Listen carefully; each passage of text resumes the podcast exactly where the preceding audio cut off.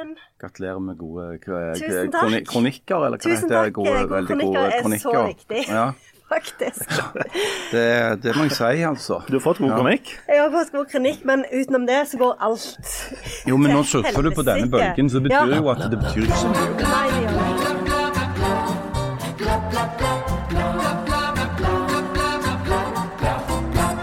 Donald Trump kan bli president igjen, og noen småting som en dom for ærekrenkelser og litt seksuelle overgrep. Ja, putt, putt, alt. Det er jo alltid et eller annet. sant? Fake news. Hver fjerde nordmann tror ikke på menneskeskapte klimaanlegg, men hva gjør vel det når de kan kose seg med en moderne norsk humorklassiker? Oh,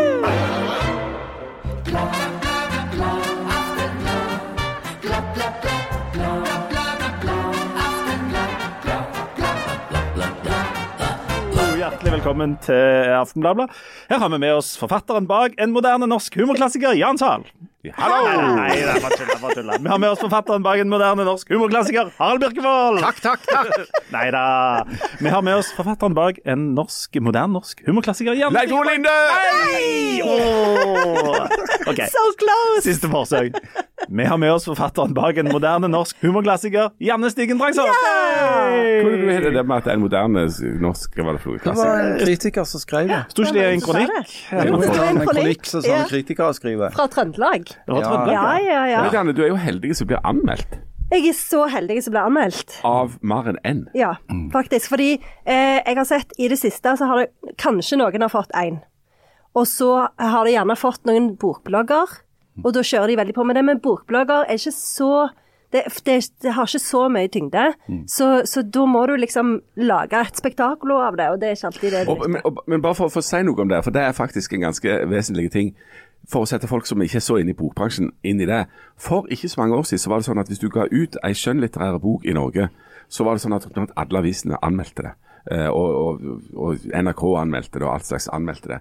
Eh, der har det skjedd noe gjennom de siste ti årene som gjør at hvis du nå gir ut en norsk roman, så er du altså heldig hvis du får én eller to, eller kanskje tre-fire. Og For å gi litt eh, kontekst til, til alt dette, så er det jo sånn at en av oss vi er litt usikre på hvem, men noen av oss har altså gitt ut en, en, eh, en norsk roman. Eh, og det er Vent litt. Jeg har også gitt ut norske romaner. Ja, men ikke den siste uka. Nei. For det har du gjerne gjort. Ja, det har jeg. Um, eh, du er jo et menneske med helt sånn stabilt og vanlig følelsesliv. følelsesliv. Det, er ingen, det er ikke noe høye, eh, høye berg og dype daler hos deg. Det er i hvert fall ingen dype daler. Ikke sant? Men eh, eh, hvordan har denne uka vært? Eh, den har vært eh, veldig mange dype daler. Nei. ja, jeg var veldig nervøs. Jeg var veldig nervøs. Så, først så var det det som Jan sa, for jeg tenkte ingen kommer til å anmelde han. Eh, og det er jo kjipt. Og så begynte jeg å tenke å nei, kanskje noen kommer til å anmelde han. Ble jeg veldig stressa for det. Så når jeg fikk den gode anmeldelsen i Adressa, så jeg kaller den. Eh, og så i Stavanger Aftenblad, som jo eh, var det som jeg har lest kanskje sånn 15 ganger, fordi den var så fin, eh, da klarte jeg å slappe litt mer av. Og nå er du altså stor i Trøndelag. Du og Trond Giske. Ja.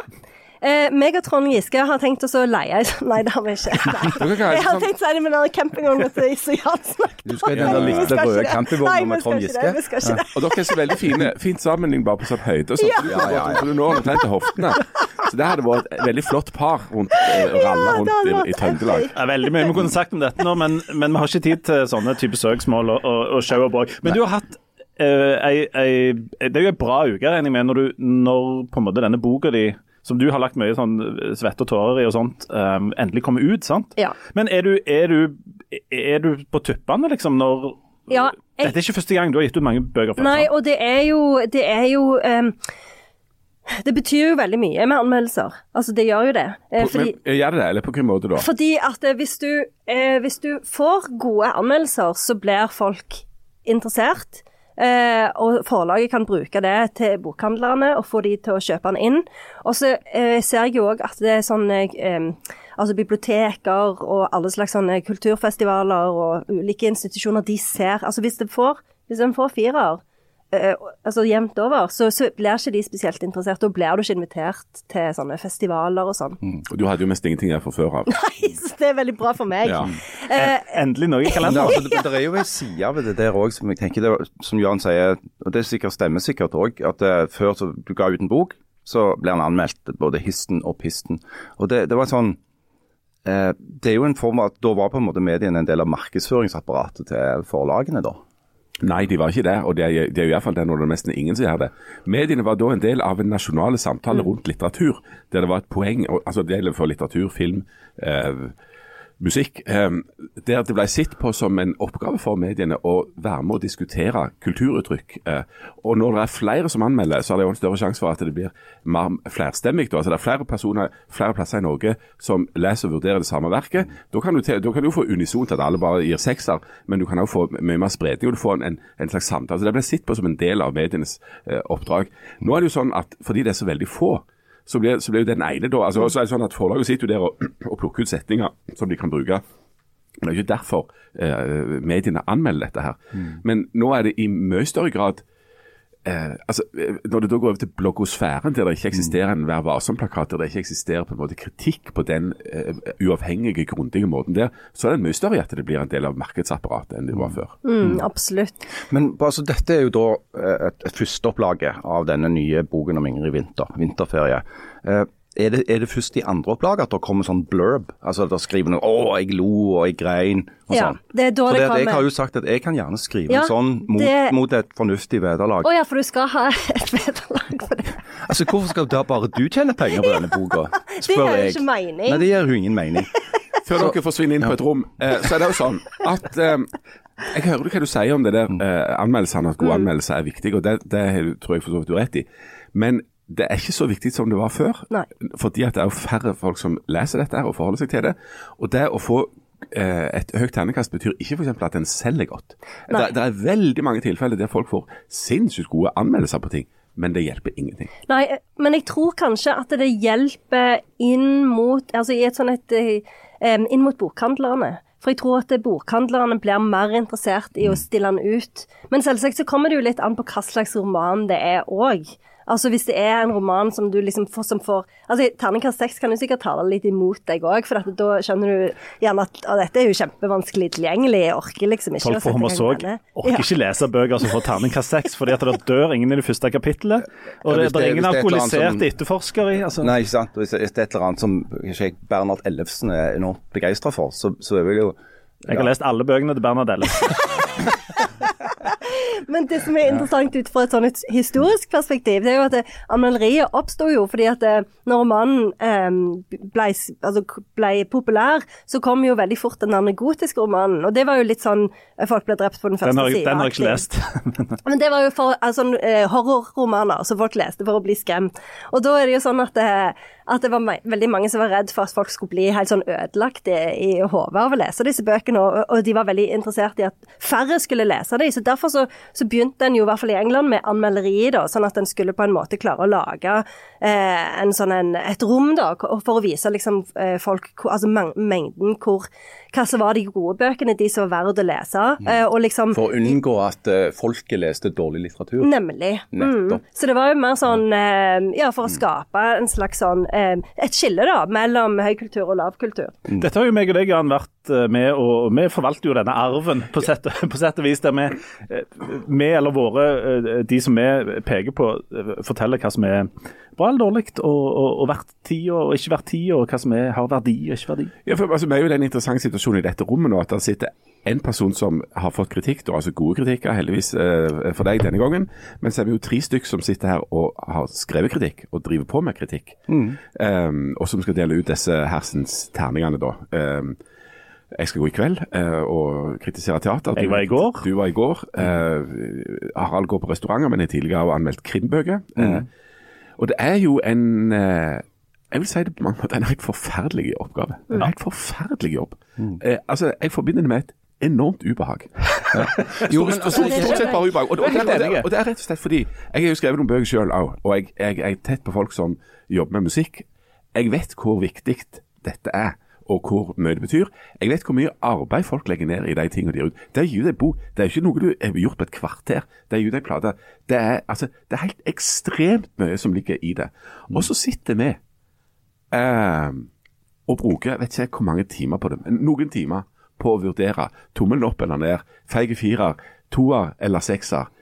Og det, det er et grusomt ansvar å sitte på. det, er det, og det, jeg har kjent mer og mer på det. For du ser, altså, Jeg har jo både anmeldt krim som du sier, og, og restauranter i ganske mange år. Og når jeg var litt yngre enn jeg er nå, så var det sånn at jeg kunne skrive et, et, det du kaller et slakt, med en form for sånn Entusiasme. Ja, sant? Fordi at det, er fortsatt sånn at jeg liker godt å lese et slakt. sant? Eh, altså Et velformulert slakt er jo et, eh, et interessant stykke litteratur. Eh, men å skrive det nå, nå som du sier, altså jeg, vet hvor mye arbeid, svette og tårer som ligger bak det å prøve å drive en restaurant, eh, hvis du har litt ambisjoner. da. Eh, og det er ikke noe du gjør, altså å, å, å, dele ut en, en dårlig karakter er ikke noe lenger jeg gjør med noen form for eh, entusiasme. Altså Det er mer en slags sur plikt. Eh, fordi at eh, Du må jo hele tiden tenke at du, du er jo der som en, form for sånn representant for den jevne liksom, leseren eller brukeren eller restaurantgjesten. da. Eh, og at det, det er hos de din lojalitet skal ligge, ikke hos de som har produsert dette kunstverket eller denne maten eller denne boka eller dette teaterstykket. Men det er en vanskelig balansegang. for det at du etter hvert som du òg har jobba med det, du har jobba lenge med å anmelde teater eller konserter eller bøker eller mat, så begynner du å kjenne så mange folk som produserer disse tingene du mener noe om. Og Det gjør jo òg at du, du sitter der og skriver om folk, ikke nødvendigvis, det er jo ikke venner, du er ikke inhabil i den forstand, men du, du, du omgås jo disse folka. sant? For eksempel så omgås jo med deg, eh, Janne, som da sitter i dette tilfellet liksom, er- sitter i andre enden for dette her. Um, syns du det er, er ubehagelig at noen altså Du er på en måte avhengig eller til en viss grad av at noen skal anmelde deg, altså vise interessen for det og vurdere det. sant? Um, men men syns du det er ubehagelig å bli utsatt for det? At det sitter en eller annen, en eller annen knekt oppe i Namsos så, og, og hører på sånn uh, Terje Tysland-musikk, og så får han boka di i hendene og sier ja, ja. Jeg kan, jeg kan jo se, jeg kan jo se hva ingen i vinter og så leser han den og så sier ja, det, det, det ganske Det kan være moderne klassiker. Er og sånn, er, det, er det ubehagelig for deg som, som forfatter at folk holder på med dette? Ja, det kan være sånn som nå med de to veldig fine som jeg fikk, så er jo det helt fantastisk, for da får du jo på en måte en sånn en eh, og, og nå har jeg jo fått mye sånn tilbakemelding fra lesere som har begynt på den allerede, og det er jo veldig kjekt, fordi at det er jo sånn som Jan og, Harald sier, det går jo veldig mye arbeid inn i dette. Så Du dette brukte jo nesten hele høstferien på å skrive den boka. Så, så Nei, jeg har brukt sykt mye tid på den boka, og det er jo eh, liksom den følelsen av at noen bare har lest så vidt gjennom den, og så bare slenger ut et eller annet. Det er jo veldig ubehagelig. Det som er ubehagelig. Eller hvis du kjenner at den anmelderen kanskje har en agenda, for det kan jo òg være. Det er jo ikke alltid at den er Sånn som Harald, det du sier med at liksom at du på en måte tenker um, utover din egen rolle som anmelder, og tenker på det arbeidet som ligger bak, og, og liksom har respekt for det, på en måte. Selv om du selvfølgelig skal, skal vurdere produktet. Uh, det, det, er jo, det er jo det som er ubehagelig. Når, du, når, du, når det virker som anmelderen bare har hatt en egen agenda, og gjerne ikke på en måte lest boka som bok i det hele tatt, da. Og så er jo det komplisert av å vurdere om du skal lese. altså Utfordringen syns jeg, eh, jeg tenker både leser og forholder meg til anmelderi, er jo om den som anmelder, anmelder det basert på de premissene som er lagt for det som er verket. Altså hvis du hvis du har lagd ei plate som er eh, pop, og så blir det anmeldt for det at eh, Jeg skulle ønske det var jazz. så, så skulle anmelderen ønske at det var mer jazz. Nemlig. Eh, er ekstremt eh, komplisert. sant? Eh, Jeg kan ikke anmelde revy på samme måte som jeg anmelder eh, klassisk teater. Altså, Intensjonen bak er, er på en måte Det er ikke alltid så lett å få tak på helt hva den er, men, men, men du må på en måte anmelde det ut fra det de har prøvd å lage. Da, sant? Som er krevende, for du må få tak i både intensjonen og finne ut om det var vellykka. Et et annet problem er jo at det aller meste i livet er jo ikke terningkast seks, og, og ikke engang fem. Altså, når det, kommer ut 5000 bøker i året, eller, eller 10 000 plater, så er det sånn at snittet der vil være sånn tri, midt på treet, sånn tre-fire. For det, altså, Uansett om folk legger mye i det og er gode og å skrive lange setninger eller korte setninger eller spille avanserte grep på en gitar, så betyr ikke det at alt er gull allikevel.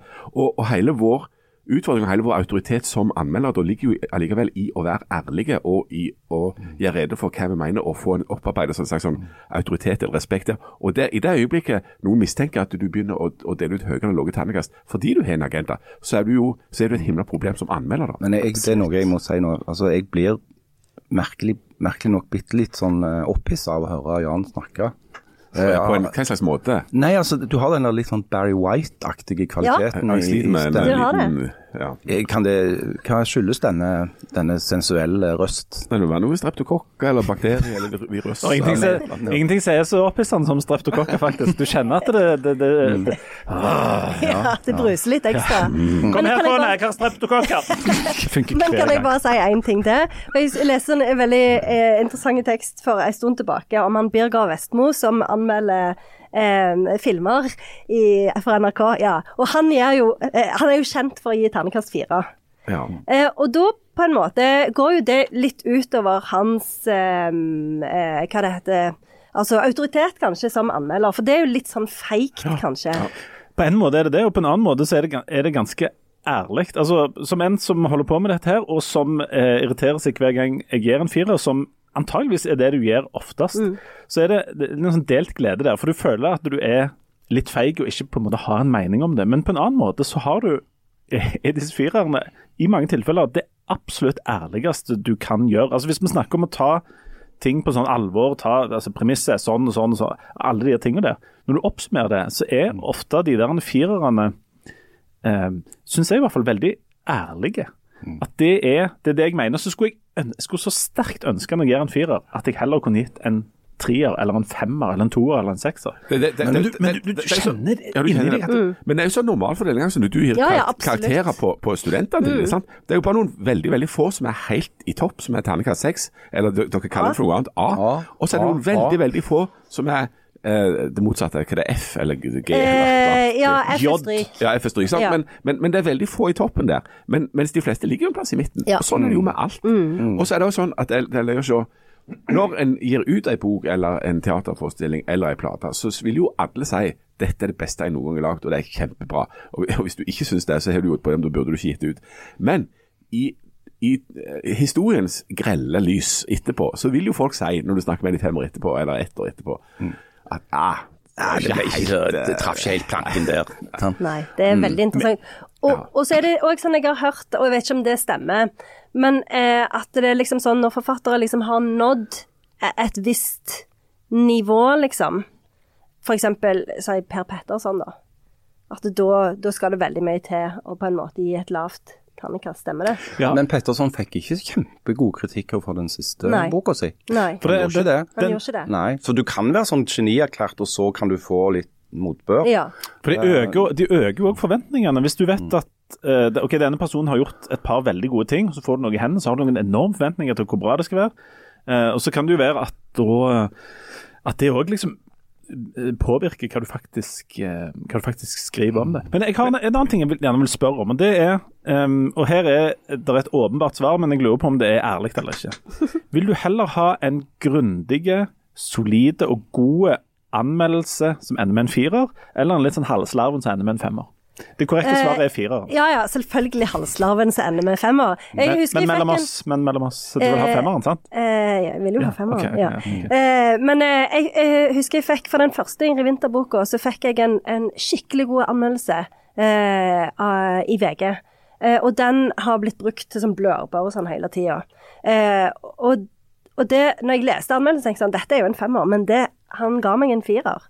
Eh, og det eh, Og da- syns jeg fremdeles er vanskelig Og da, å forstå. og da bruker forlaget den setningen, og så Ja. unna er det en annen setning fra Rana Blad, Ja. en femmer på, Ja, sant? sånn at det ser ut som det bare Ja, er ja. femmer. Om du har en sånn liten dokke av han anmelderen så du stikker sånne nåler i Nei, det er jo han anmelderen som han, han, Han som det er, han, det er den episoden? Ja, jeg de, skjønner. de Er det, er det Vidar Kvalshaug Ja. Men det var ikke, han, har, han har bare anmeldt meg én gang. Ja. Har du anmeldt noe sjøl noen gang? Eh, ja, jeg har meldt for en sånn akademiker. Ted Huge? Online Nei. Tedhuge.net. Veldig redd for hva slags bilde du får når du slår gå inn der. Ikke søk Hva dere enn gjør, lyttere, ikke søk Ted Huge. En vrien situasjon å måtte anmelde den siste til Ted Huge til tedhuge.net. Nei, men hva var det hva har du anmeldt? Veldig ukjente bøker på et nettsted hvor ingen leste noen ting. Å ja, nettopp. Liksom Men, men, men så er det én ting som òg er litt viktig å, tenke på når du er anmelder. Det er jo hvor mange som ikke bryr seg om hva du Ja, ja, mener. Sant? For Du har for eksempel eh, Jeg har anmeldt eksempel krim, da. Så, så, så har jeg vært veldig kritisk. For det er en av tingene jeg oppdaget ganske tidlig det blir utgitt altfor mye krim. Sant? Og da er det litt sånn som du sa, om når, når romanen ble en greie. Det var, var liksom Litt oppgaven din er å hjelpe folk å skille snørr og barter her. Ja. I og med at det Du blir har jo bart. Jeg har bart. Men at det blir utgitt så enormt mye dårlig krim, det er det noen som Altså det er din fordømte plikt å minne om, da. Og jeg har jo gitt eh, slakt til bøker som har solgt i liksom millionopplag. ja. Eh, så det er jo ikke alltid at folk bryr seg. Eller, eller hvis Jan går på teater og mener at det der stykket det var jo ikke noen ting, men så er det liksom utsolgt hver dag fram til de tar det av plakaten. sant? Og vice versa. Det Ja. siste, siste eh, stykket som gikk på Rogaland Teater, eh, 'Lang dags ferd mot natt', som var fantastisk bra, som fikk eh, eh, et par kritikker da. Eh, Tidligere så var det sånn at òg teaterstykket på hovedscenen i, i Stavanger ble anmeldt av Oslo-avisene og flere da. Men, men, men fikk et, et par-tre veldig gode kritikker. Det var det som solgte dårligst. Ja, og der mistenker at det er, jeg at det er det som vi snakket om i stad. Fordi at det er jo et stykke som handler om en dysfunksjonell familie med overgjennomsnittlig over gjennomsnittlig mye alkoholisme. Og, da, og så varer det lenge, Ja, sant? tre timer. Og da er folk liksom sånn mm, Tre timer med, med Mørke. mørke Ja. og tung drikking Ja. på scenen. Julaften på Hommers òg, kaller vi det. men det, det, altså, for det er, det er jo ikke noe automatikk i dette, men det er jo helt åpenbart at det er bedre for alle som lager noe, eller noe sånt, å få, få en god eh, karakter enn en dårlig. Altså, det, det må jo være utgangspunktet, ikke sant? Absolutt. Men, dere, men du Jan, som har gått eh, og anmeldt deg, og du òg Harald, som, eh, og du er gjerne på veldig marginale nettsider om Ted Hughes. Har har dere gitt noen karakterer eller noen kritikker noen gang så dere i etterkant tenker at vet dette var feil? Det var åpenbart. Ikke noen åpenbar, nei. Jeg Nei. kan, ikke komme på at jeg har gjort noen feil. Du noen gang. står for alt du har skrevet. Min eneste feil er Jans eneste feil er at han er for ydmyk. Er det ikke sant? Jeg, er veldig, jeg, jeg kan være i overkant ydmyk og sånn selvkritisk. Men har du Harald, noen sånne Ja Som da, du- altså klart det. Altså, der er Men du går ikke Altså, gneg på det miste Nei, søvn? altså, men altså, du har jo, alle har jo begått en eller annen form for sånn venstrehåndsarbeid en eller annen gang, eller, eller Snakk for deg selv. Eller vært altså, i enormt dårlig humør, eller kanskje litt sånn overdremt godt humør når du skrev dette her, og funnet at etterpå så kunne du kanskje Altså, den der fireren som du snakker om, Leif Tore, den, den kunne nok med fordel blitt brukt litt oftere. og altså, du, du, du, du har liksom en sånn forestilling du skal bruke hele terningen. Så det kan jo være at du går litt ut i det ekstreme òg. Altså, enten så er det kjempebra, eller så er det enormt dårlig. Og Sannheten er jo at veldig mye er jo sånn midt på treet. Jeg husker, jeg har en som jeg, jeg vet var feil. Eh, og det, det, Der er det en ganske interessant historie bak. For, for mange mange herrens år siden så ble jeg sendt til eh, København for å gå på konsert. Det, those days are Nei, ja. Um, og den som skulle ha eh, for, foregå denne, denne konserten, var da Whitney Houston. Selveste. Sant, ja. Um, Whitney Houston var jo Det var enormt trist. Hun var ute og kjørte. Var åpenbart ikke hjemme, men ble puska opp der. Og vi var på, en, eh, på denne konserten i København, og det var forferdelig den aller dårligste konserten jeg noen gang har vært på. Jeg var jo i København fordi at du skulle komme til Stavanger senere. um, Det var for å kunne gi våre lesere, og lyttere og brukere eh, et slags varsel om Et slags hva som kommer. ja. Ja. Um, og det var jeg tror jeg eneste gang jeg har gitt terningkast én til en konsert. For det var altså, hun, hun sto på scenen, og, og, og folk gikk, og hun sto stort sett og grein og lurte på hvorfor de gikk. Og jeg syns veldig synd på dama, Stakkar men Whitney Houston. Stakkars, stakkars. Og det var, min ingress var stakkar, stakkar, stakkar, stakkar 17 ganger. Whitney Houston. Um, og så skulle hun til Stavanger senere. Når hun kom til Stavanger, så hadde de på et eller annet vis klart å på en måte pussene litt opp, sånn at du i hvert fall klarte å stå på beina. De hadde, var helt åpenbart at de hadde skrudd ned stort sett alt av lyd i mikrofonen, men koristene drylte til og sånt. Men hun var skakkskjørt der òg. Men altså, forbedringen fra eh, København til Stavanger var såpass god at jeg ga det en trier. Men det var åpenbart eh, en toer. Ja. Kunne egentlig nesten vært en ny ener. Men det var så enormt god stemning der. og jeg tror litt av grunnen til at det var så god stemning, var at ganske mange hadde lest mitt sånn slakt fra København og var innstilt på at nå skal vi hjelpe Whitney Houston. Så folk var glade. Folk sang noe helt enormt, og de hadde gjort noen sånne grep. Eh, på en måte gitt hun en del sånn støttehjul og sånt. Men det var nok ikke en trier. Men forbedringen var såpass god at jeg liksom ble litt sånn eh, tatt Ja, av vinden. folk får jo en slags godhet for noen sånne artister, kanskje. Ja. At du ønsker å være de, at det er så kjekt å bare se de. Mm. Eller sånn som Bon Jovi, som jo ikke lenger kan synge på Mm. noen som helst måte som altså, han er- faller ikke inn over, under noen definisjon av å kunne synge, men han gjør det jo fortsatt. Og folk er begeistra fordi det er han. Jeg tror jeg ga en firer til Bob Dylan eh, på stadion. og det i sånn... I, Han har jo aldri kunnet synge. sånn Nei, sett. og det, det, det, det, Vi kunne jo òg spilt av et sånt opptak av noen som gikk på sånn Mask og Mek-linjer, som hadde en bil som um, Men- Det var nok men- kanskje òg litt i Men alt dette er jo allikevel ikke altså feil for det. Jeg, også- jeg også kan jo etterpå lure på nyansen mellom en, en firer eller en femmer eller en trier og en firer, altså, altså den der ene terningen. Men det der å liksom totalt bomme er jo hvis du gir eh, femmer til noe som var toer, eller, eller slakte noe som var en sekser. Altså, det er det som er det er det som er Ja, ja. store, og det finnes noen få sånne Den berømte er vel Nytt på nytt. Nytt på nytt, ja, som ble, som ble slaktet. Terningkast én, få det av loff. Ja, Ja, stemmer aldri ja. Mm. Og det har vart i en altså, generasjon, eller halv generasjon siden. sant? Så ja. Ok, Men dere har ingen sånne internett er en flopp-aktige ting på Jeg, jeg skulle bare mange ganger ønske at det var jeg som hadde skrevet den eh, kommentaren. Internett er en flopp. Eller eh, de som nekta å signere Beatles, for de hadde ikke noe tro på gitarmusikk. Det er flotte historier. Ja, ja. Men, eh, men du har, eh, du har eh, Det hjelper at det kommer god kritikk, og at du hører fra folk som har begynt, som har kjøpt bok. og Ja, og det er sånn. helt utrolig stas, fordi, og jeg vet at jeg har sagt dette tusen ganger før, men liksom det der med å gi ut den første boka, 'Humlefangeren', og liksom oppleve at liksom det var absolutt ingen interesse utenom far min, som til gjengjeld var veldig interessert. og gikk liksom og leide etter han på alle bokhandlerne i distriktet. Eh, det eh, til, å, til å være i denne situasjonen hvor liksom folk ta, står klare og tar imot den, eh, og sender meg melding at de har begynt å lese han, og han gjerne har lest han ut allerede, eller at de porsjonerer han sånn at han skal vare lenger. Det, det, det får meg til å grine. Altså, Apropos det med faren din, har du benytta deg av dette skitte trikset som jeg vet at en del forfattere benytter seg av? At de har sånne agenter rundt forbi i landet som har fått beskjed om å gå i bokhandelen og spørre etter boka? Nei, men det, for det, er det som jeg har hørt, er at dette er liksom Gert Nygaardshaug-banden, som er spesielt kjente for dette. Kan det stemme? Jeg eh, skal ikke nevne noen navn.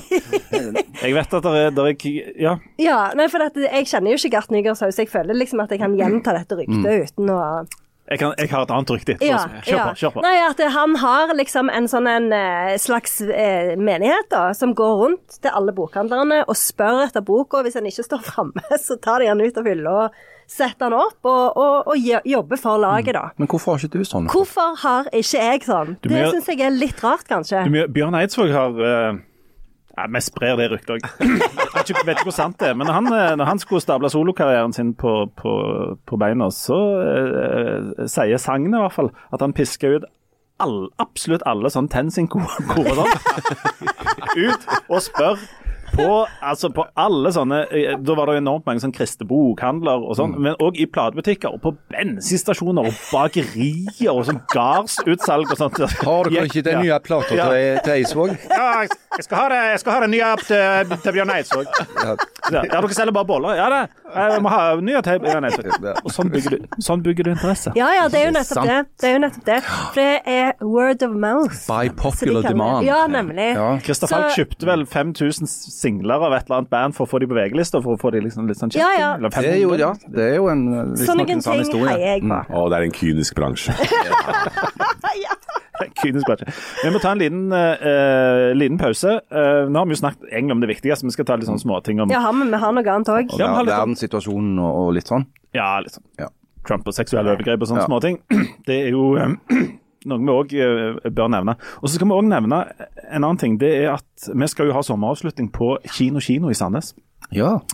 Eh, den 16. juni Fredag den 16. i juni. Summerfest. Det kommer til å bli eh, top notch alle tider. Så Ja, det og det passer jo veldig bra at det er en fredag. enormt bra. Og, og når alle sommeravslutningene er ferdige, så da kan du bare komme Du bare på den og bare Seile rett ut i sommernatten. Det er litt sånn mm. sommertid. Hei, hei. Ja, faktisk. Den sanesiske sommernatten. Ja. Det kommer til å bli kjempestemning, Ja. og vi skal, der blir sang, bål, grilling Det blir terningkast Ja. seks. Ja, det gjør det. Men der er det av alle ting i verden nå, Vi har en, en ekstraforestilling der. Så dere som eh, trodde at det var helt skåltomt, det er det ikke. Det er noen billetter igjen til ekstraforestillingen vår eh, den kvelden der. Og det er altså eh, Late Show. og Det blir bra det første òg, men det andre oh, la, la, la, la. Da, er det, da, blir det, da blir det gass. Så de av dere som Aperol Spritz Oi, oi, oi, oi, oi. Vi må, ja, vi må ha litt Vi må ha, vi må Ja. ha Handling litt er sprit. Vi må ha Ja. er det, Kunne vi ha eh, dratt, altså avslutta med å synge We Are The World? Fått med litt Ja! folk og sånt? Hadde det vært bra? vi det? Ja. Ja. Jeg tror folk vil ha øve. ja. Kan jeg være Cyndi Lauper-stemmen? ja, ja, absolutt. Kan jeg, være- kan jeg være Bob Dylan? Ja! Let's realize Let it shine into the crowd Ja, du må øve, du òg. Du vil gjøre det. Ja, vi gjør det. Vi tar med litt instrument. Ja, It's make a better day, just you and me. We are the world Kan vi Bruce Men er Barry White med på den? Nei. han, Nei. han er med nå. Men jeg har en følelse Barry av at eh, Manilow. du kan eh, Barry Manilow.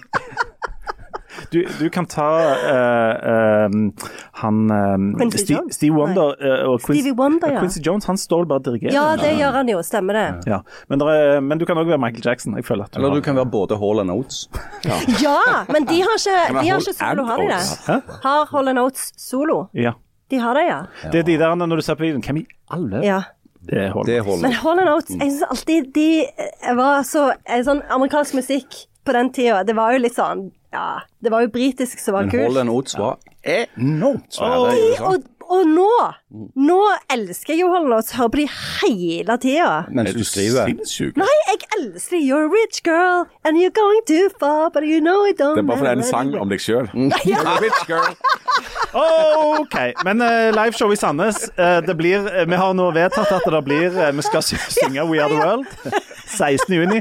Skaff dere billett til det. Men, uh, in a kan- material world, and I am a material girl. Nå er det pause. Nå er det Men- pause. må ta pause snart, altså. vi må altså. få en måte å vise teksten sånn at liksom Jeg skal, la, jeg skal Ja. lage en karaokeversjon. Ja. Mm. Det tror jeg er det enkleste. Nå, tror jeg, nå Må vi ta okay, den pausen? ok. Ok, Snakkes snart. Ha det. Jeg må skru. Og hjertelig velkommen tilbake igjen. Eh, Jan har fått snødd seg litt. Eh, Janne har eh, fått eh, eh, solgt 10 000 nye bøker bare i pausen.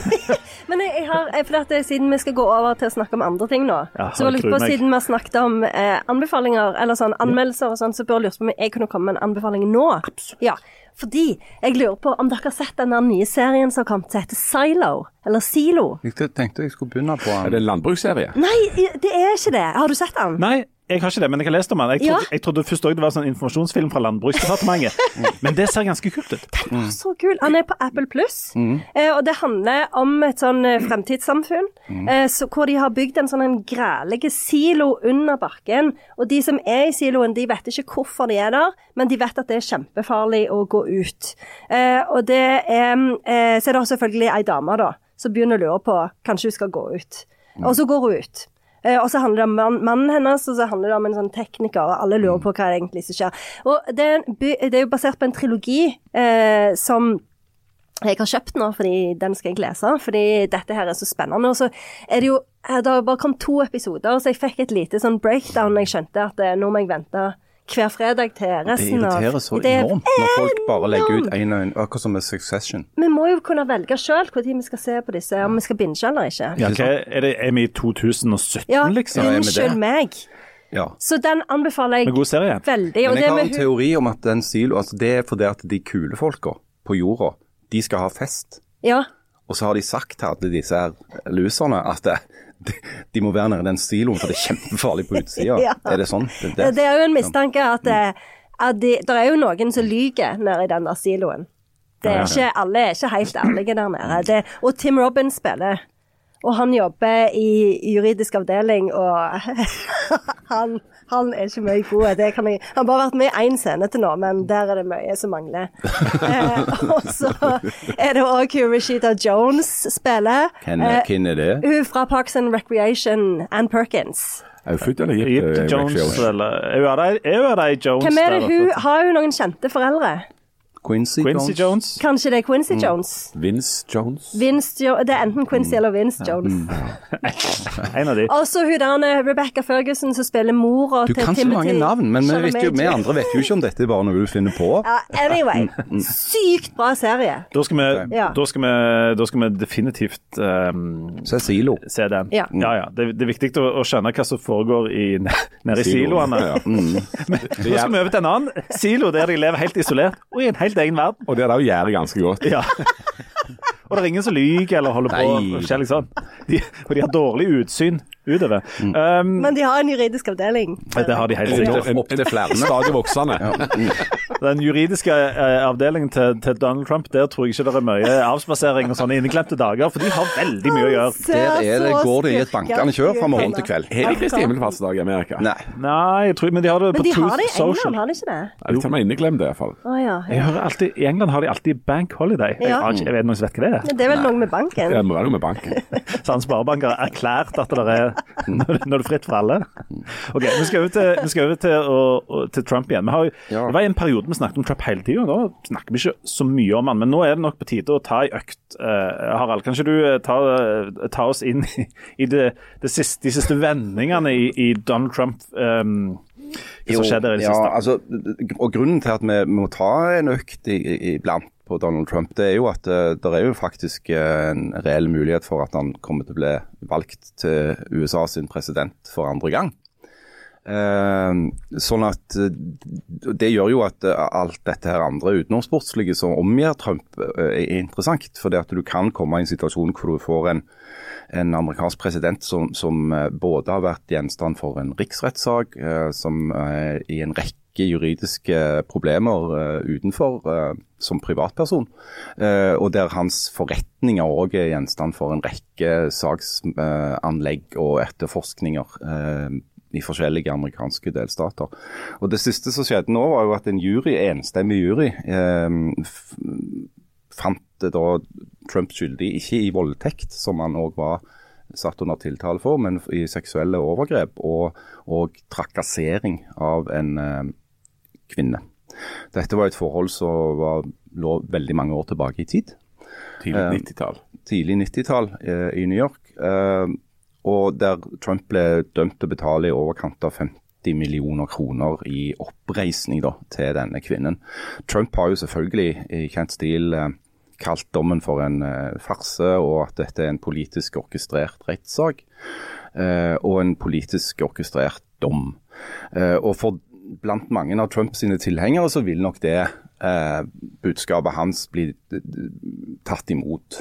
Eh, fordi at eh, dette går jo inn i den der generelle polariseringen i det amerikanske samfunnet, hvor Trump sine kjernetilhengere eh, har veldig lite tiltro til mediene, til myndighetene, til domstolene. Eh, og vil nok eh, reagere på samme måte som, som Trump, da, med at dette er en, en politisk dom mot en, eh, mot en uh, uskyldig mann. Fordi på et tidspunkt så tenkte vi jo at uh, Trump er for, er for crazy til at det kan gå. Men så, vi, så lærte vi jo på et eller annet tidspunkt at her er det omtrent ingen grenser. Og dette er jo et nytt sånn eh, vi, vi kan krysse av en til sånn nå. fordi at å bli dømt for da, seksuelle overgrep og ærekrenkelse av, av, sånn, av kvinner, det, vet, det er ikke til hinder for at han kan bli president, det. Bare kjøre på. Han er, jo, altså, han er jo på en måte oppheva alle sånne lover som gjelder innenfor politikken. Eh, Altså, og, og Han sa det jo allerede før han ble president, og da hørtes det litt sånn ha-ha, ja, det hørtes corny ut. Men han sa jo en gang at jeg er sikker på at jeg kan gå nedover Fifth Avenue og skyte noen, og jeg kommer til å komme unna med det. Og det er sånn, nei, det kan du jo ikke gjøre. Men eh, Det er vel eneste som mangler. Ja, altså, altså han, han har gjort så mye spinnhakkende skala, og, og han har vel ikke blitt stilt for rettssak bare én gang, men to, ganger, faktisk. sant? Men, men altså, alt det galskapen han gjorde i forkant av at han ble valgt, mens han var president, og så eh, liksom toppa med dette angrepet på Kongressen eh, 6.1, som er Altså, Det er på en måte definisjonen av å gå til angrep på demokratiet, og det er helt åpenbart at han eh, hadde en rolle i det. Det er jo en del av, av, eh, av rettssakene som kommer nå, behandlingen hans av valget som kommer opp i Georgia. Og så, og så skjer altså det helt motsatte av det som har vært alle de politiske tyngdelovene før, nemlig at, at hvis du blir skandalisert og, og gjør sånn spinnhakkende gale ting, så er du per definisjon utdefinert. Altså Du har ikke sjans i et valg. Med Donald Trump så er det motsatt. Eh, og, og noe av det som er dilemmaet for de borte i Amerika nå, det er jo at Altså Nå kom denne her med saken med, som en sånn sivilt søksmål. Det er ikke noe han blir- kan bli straffa for, annet enn at han betaler et bot. Han må ikke i fengsel for dette her. Men, men eh, de lurer jo på der borte om det er litt sånn taktisk dumt at den neste saka som er i kjøm, da er denne utbetalingen til denne pornoskuespilleren Stormy Daniels, at det kanskje ikke var den beste saka de burde ha kjørt først. Mm. for dette, det får litt preg av eh, heksejakt, rett og slett. Altså, altså at eh, demokratene er ute etter å ta han, og at nå skal han liksom systemet på en måte ta hevn over han og sånt. Og, og, og den, hvis den følelsen brer seg, så bare er det bensin på bålet i støtten. Ja, og mange har jo vært bekymra for det at både denne her utbetalingen til pornoskuespilleren, som er problematisk fordi at det, det, tyder på at pengene som hun fikk for å ikke fortelle sin historie, kom fra eh, valgkamporganisasjonen til Trump. Og det er et brudd på føderal lovgivning. Det er jo omtrent som at ja, det er greit å betale ut uh, sånne hysjpenger til en pornoskole, men vi husker moms. Ja, ja det litt, men, men, det er faktisk litt sånn. Ja, sant? sånn. Uh, og så kom denne her saken nå, med den, den gamle overgrepssaken fra, fra New York.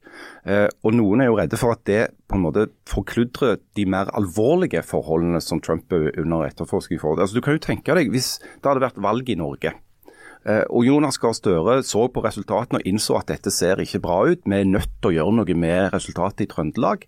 Ringte til lederen for valgstyret i Trøndelag og ba vedkommende om å finne tilstrekkelig mange stemmer til at Ap vant Trøndelag istedenfor å tape.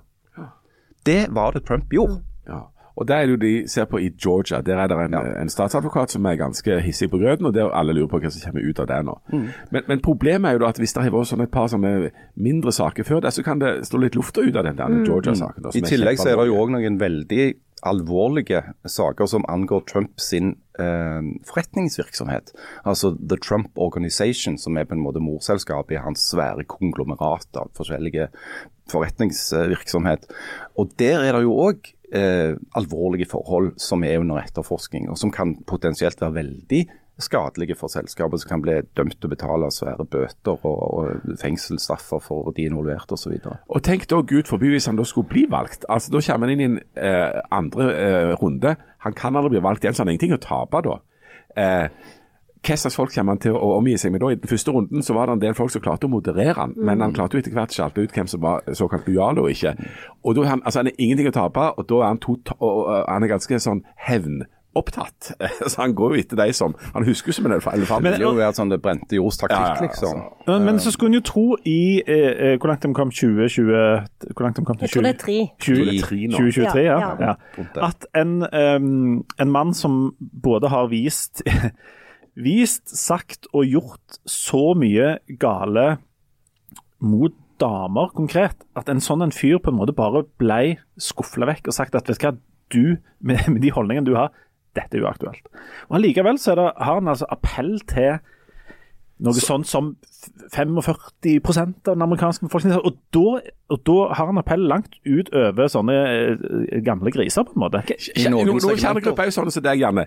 Evangeliske dame. ja. Men altså, i noen segmenter så har han jo faktisk større oppslutning blant kvinner enn blant menn. Ja, ja men Janne, du er ei dame. Forklar det.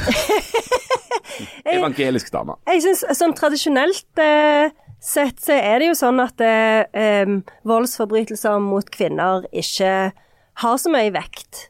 Eh, at det ikke eh, Altså f.eks.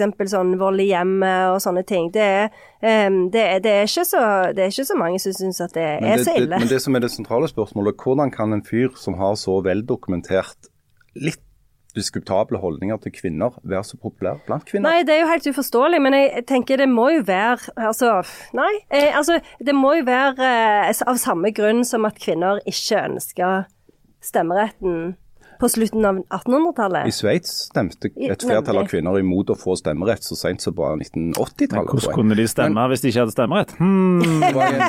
det er sånn månelandingsspørsmål. Ja, Hvorfor veier Hvorfor er det greia her er at det, det er en del velgere i USA som er, vel, som er villige til å holde seg for nesen og tåle Trump. Fordi at Trump har levert resultater på de områdene som betyr noe for de.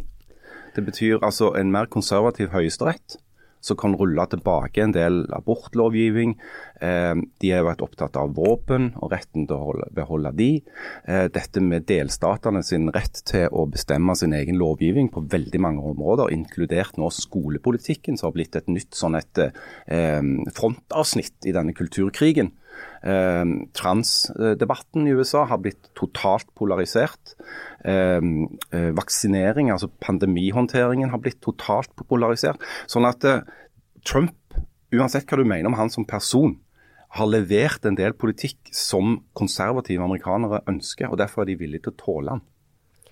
Og så er det vel litt òg eh, Altså som en del av det som du sier, Harald, så er det vel litt det der med at det, altså i en del sånn konservativt kristne kretser så står jo ikke feminismen spesielt sterkt. Men abortsaken står Ja. som, ei, som en Ja. påle. Men nettopp den er noe av det som kan komme og bite Trump i ræva nå.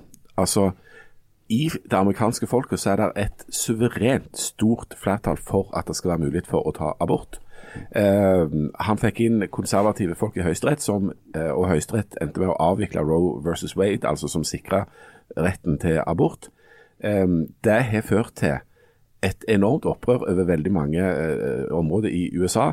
En del stater har da innført et nærmest sånn totalforbud, men det har kommet en backlash der, der omtrent alle valg som har skjedd etterpå, der har kandidaten som har argumentert for å sikre eh, retten til abort, vunnet. Selv i ganske eh, altså, uh, miksa eller sånn rep republikansk uh, retta stater. Sånn at Ironisk nok så kan det at Trump leverte på abort, bli det som feller han som kandidat. Ja, i, vel, i valget, ja. Men, men i altså sånn som det amerikanske politiske systemet er, så har jo en delstat som Wyoming eh, like mange senatorer som en delstat som California, selv om California har sånn ca. 100 ganger flere innbyggere enn Wyoming. Og det gjør at du får, og Wyoming de har for tiden en, en politisk ledelse som er liksom litt til høyre for Genghis Khan. Eh, så, og, og, og de har akkurat ikke stemmer. Eh, Sånn at Derfor er det forferdelig vanskelig å få flytta Kongressen veldig raskt i, i en retning eh, som, er, altså, som ikke er konservativ. For disse konservative statene kan de har uforholdsmessig stor makt. Ja, det har de, men samtidig så ehm, var det et valg i Wisconsin, mener jeg nå, altså nå er vi over i marginene, eh, på høyesterettsrepresentant, altså en ny dommer i høyesterett i staten Wisconsin.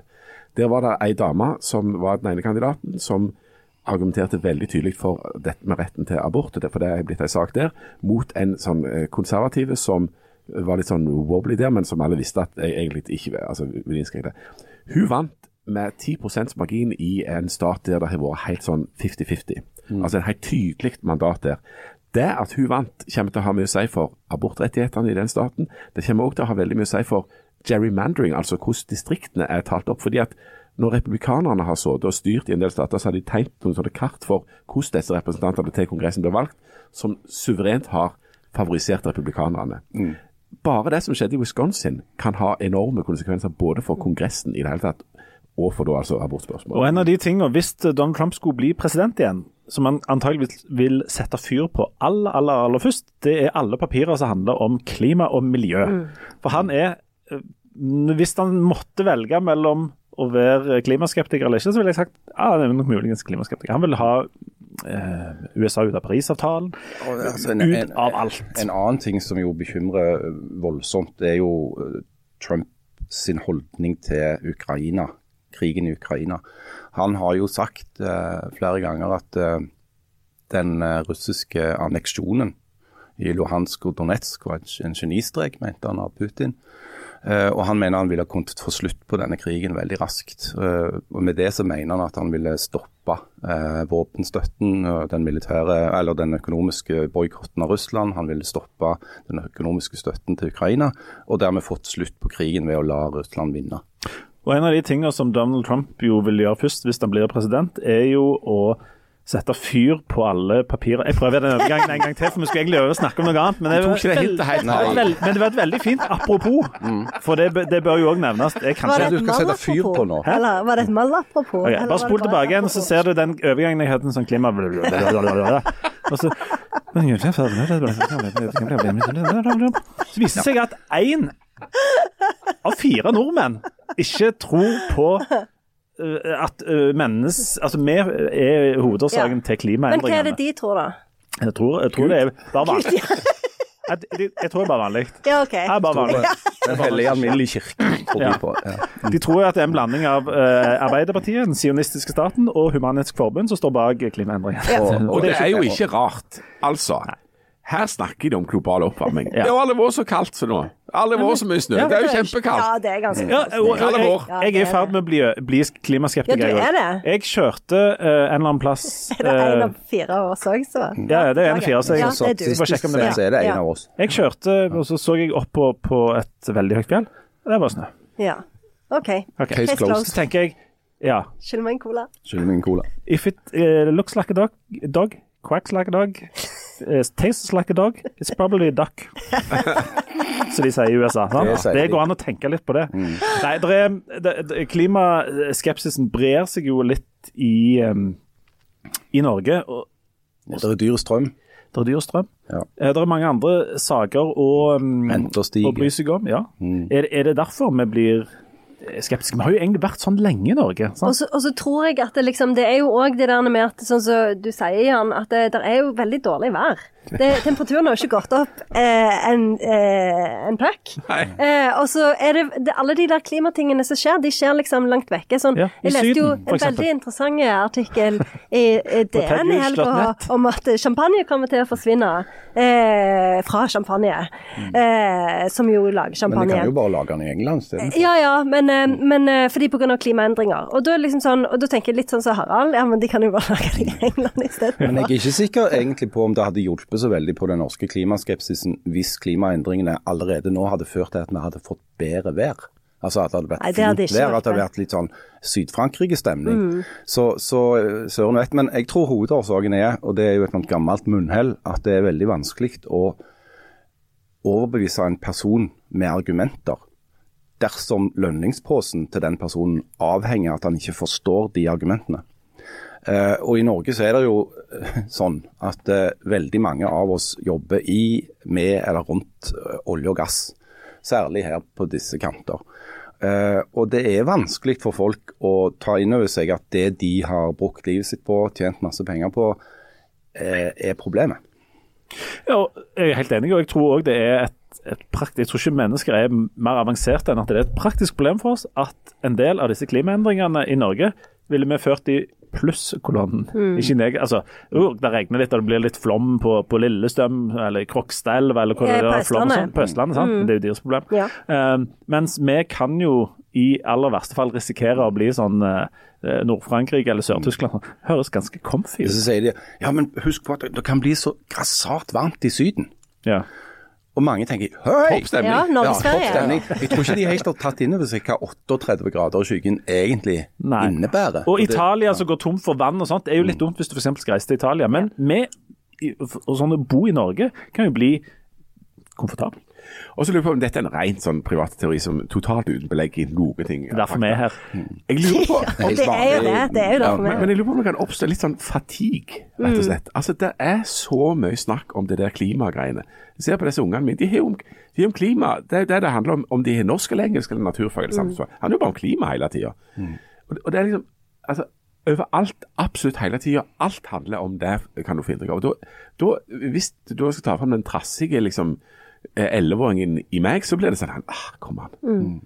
Snakk om noe annet. Altså, Jeg orker ikke mer av dette her. Det er en grunn, grunnleggende menneskelig følelse. Det er ikke så hvis du jeg, eh, Vi snakket om pride, f.eks. sant? Som er gode greier, sånn. men plutselig så er det over absolutt alt. altså alt, Da regner regnbue opp absolutt alt, så kan det bli litt sånn åh, det igjen.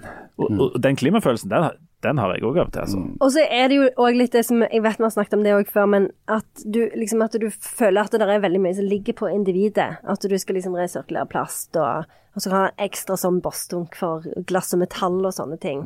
Og ha elbil, kanskje, og ikke Ja.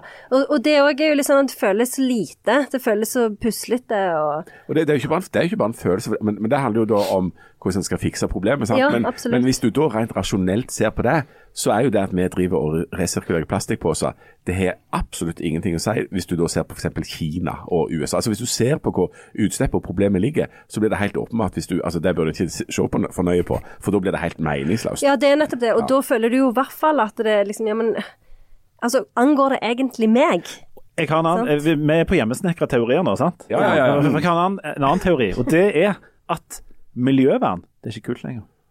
En gang, What?! Ja, hør nå. Dette var jo en Ja, brannfakkel. Nemlig. En gang i tida så var miljøvern sånn rock'n'roll-greier med sånn eh, eh, og sånn islendere ut og liksom lenke seg fast til, til, til hvalfangst- og oljeplattformer. Og det var sånn, «Øh!» og. Lenke seg fast til hvalfangst, det er Ja, ja, veldig ja. utbredt. på det. Ja, Det var mange som drev med det. Mange gjorde det. Mange som drev. Nei, men det var, det var rock'n'roll, og det var, ehm, det var liksom de som var på utsida, og det var, det var skikkelig sånn kult. Nå er det sånn eh, landsmøte Høyre, re reguleringsplaner og, og sånn kommunale tiltak, og sånne eh, seminar. Eh, Jo, men det var jo akkurat noe som var en form for klimaaksjonisme, bare ikke. Altså Fosen-demonstrasjonene. Ja. De var jo imot et klimatiltak, da. For de var jo imot eh, vindmøller.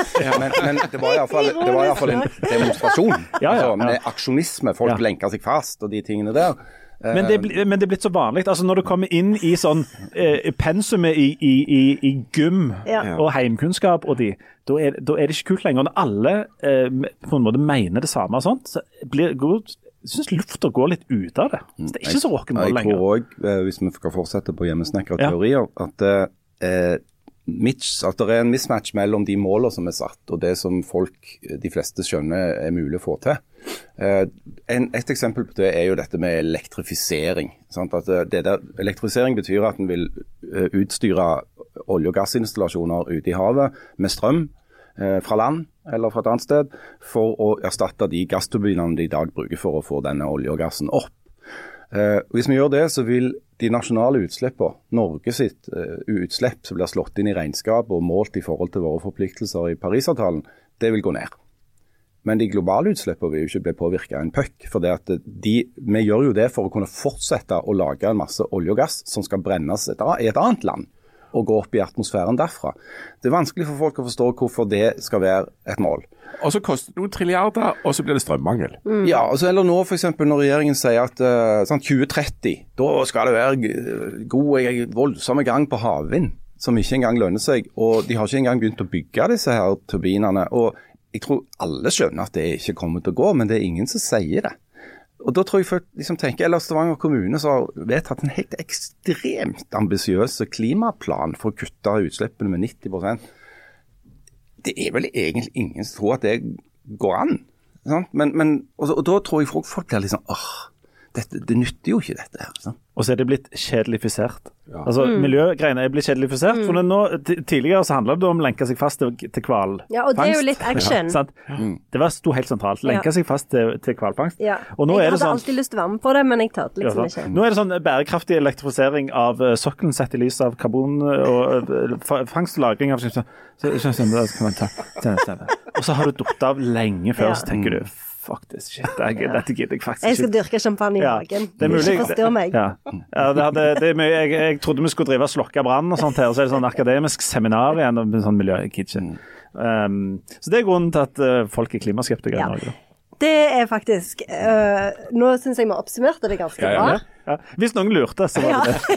Altså Folk kommer aldri, sånn kollektivt, kommer aldri, tror jeg da, eh, til å, å godta en så drastisk eh, reduksjon i eh, levestandard og forbruk og livsstil at det vil ha noen meningsfulle bidrag som, altså når vi tenker på oss som individer.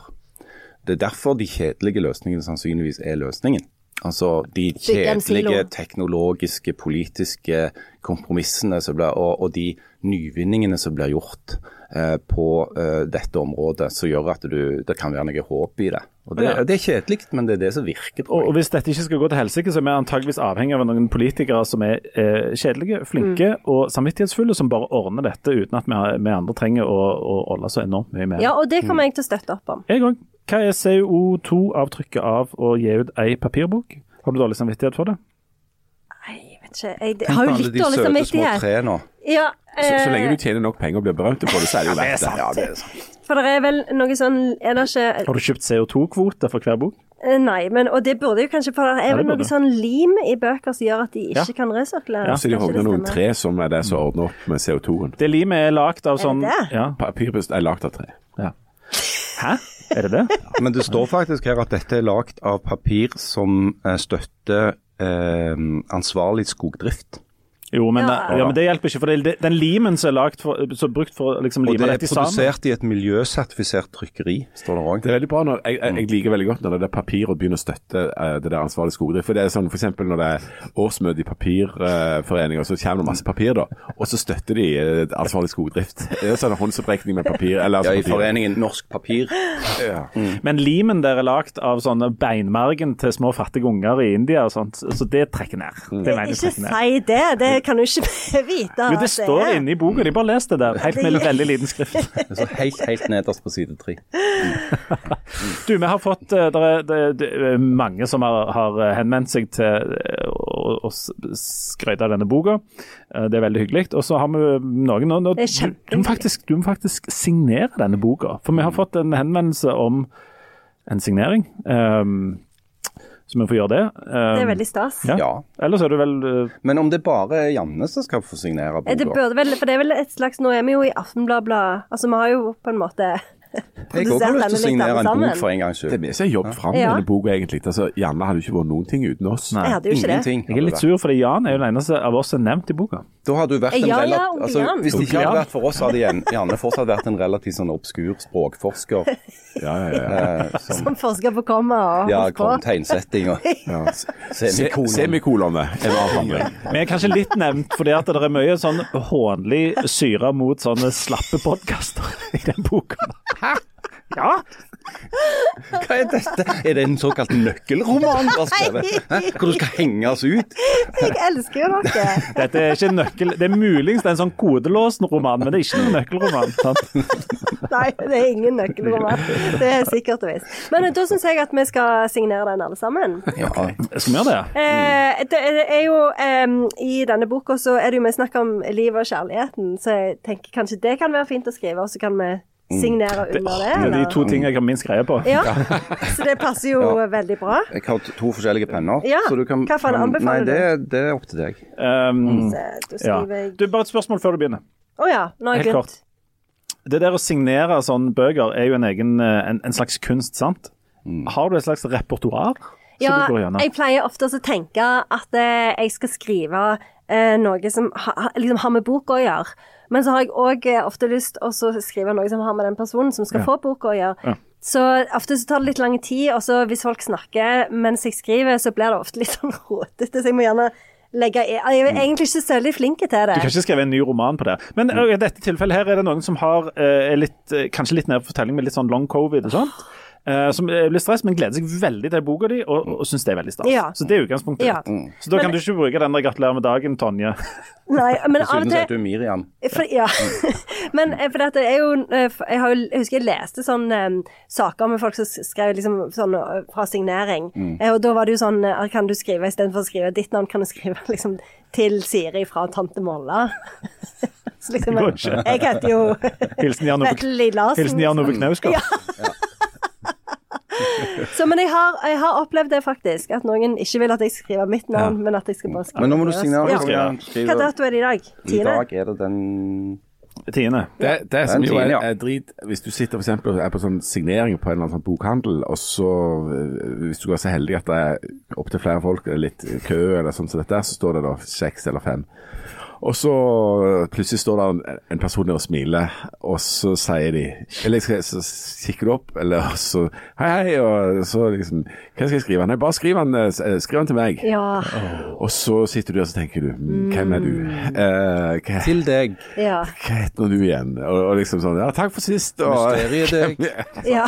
Til mysteriet deg. ja, det har skjedd Ja, hva har du gjort da? Har du spurt? Hvordan gjør du det? Eller har du Skri, bare sier du sånn, skriver du, navn, skriver du navnet ditt med H, i, Ja. i håp om at de røper navnet sitt, eller hva er Nei, altså, jeg, jeg kunne prøvd å fortrenge det, men det er sånn her uh, Det er pinlig. Ja, det er pinlig. Ja, men det er sånn Jeg tror jeg liksom jeg, Dette er lenge siden. Jeg, jeg, jeg har slutta med det. Jeg syns du kommer ut altfor mange bøker, så jeg har slutta å gi det ut. Men, uh, men jeg, det er sånn uh, Som en slags protest. Som Ja. en slags protest. Nei, som er mitt bidrag til klimaregnskapet. da. Eh, sånn, ja, hvem skal jeg skrive denne til? Eller hva skal jeg skrive, hvem er denne til? Oh, altså. Men alt en, alt en måtte gjøre. Hva skriver du i boken nå, Janne? Jeg skriver 'Kjære Miriam, liv og kjærligheten'. Og så har jeg tegnet et hjerte. Ja, og så har jeg stor klem, og så hadde jeg tenkt å skrive at vi skulle skrive under. Ja. For vi er jo enige om klem. er vi Ja, ikke det- ja, ja, ja. Men du er keivhendt? Ja. Venstrehendt kaller vi Nei, det. keivhendt. Du, Er du, er, du drevet sånn, er det venstrehåndsarbeid når du skriver de bøkene? Ka-ching! Det er synd at du har slutta å gi ut bøker, for den hadde slått an. Ja, ja, ja. Ja, men Det er veldig bra. Du, da, da tar vi Nå sender jeg den videre til Ja, Harald. gjør Ja. det. gjør det. Eh, så skal vi eh, gå inn for landing. Husk, eh, husk Sandnes Ja, eh, 16. juni.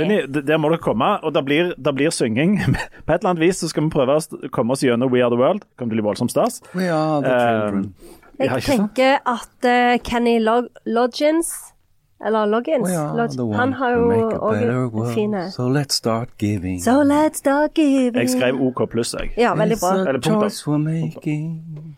we're saving our own lives. It's true, we make a better day. Just you and me. Bruce Springsteen. Ja, det er Bruce Springsteen, ja. Han Det er jo akkurat som Den han er sitter på veldig fin. er ja, for han fikk ikke gått på do før, han, før den innspillingen der. Bilder av jeg har jo signert den, tok jeg bilde av når alle signerte. Nei, men eh, la, lat som du signerer, da. Jeg ta, later som jeg ta, signerer. ta, ta Janne. Jeg, jeg, jeg prøver å avslutte her. Janne kan ta bilde. Jeg er som ringer. Ta, ringer. Men skal vi avslutte nå? eh, Alle Er han slutt, denne podkasten, eller? Jeg tror den har vært slutt, uh, slutt ganske lenge. Dag er jeg som et blankt ark, Er du? som det bare er å tegne på. Ja. Det er Det er Litt, litt skummelt. eh, litt uh. Det er det du sier til tatovøren din òg, ikke sant? Det er akkurat det jeg sier. Du går bare inn til Ah, tatovøren, tar av deg alle klærne, legger deg ned i sånn stjerneform og sier Men det Det er du som er kunstneren. Ja. Kjør på. Jeg er ditt canvas. jeg er ditt lerret. Og så går tatovøren ut, spyr litt, kommer tilbake. Og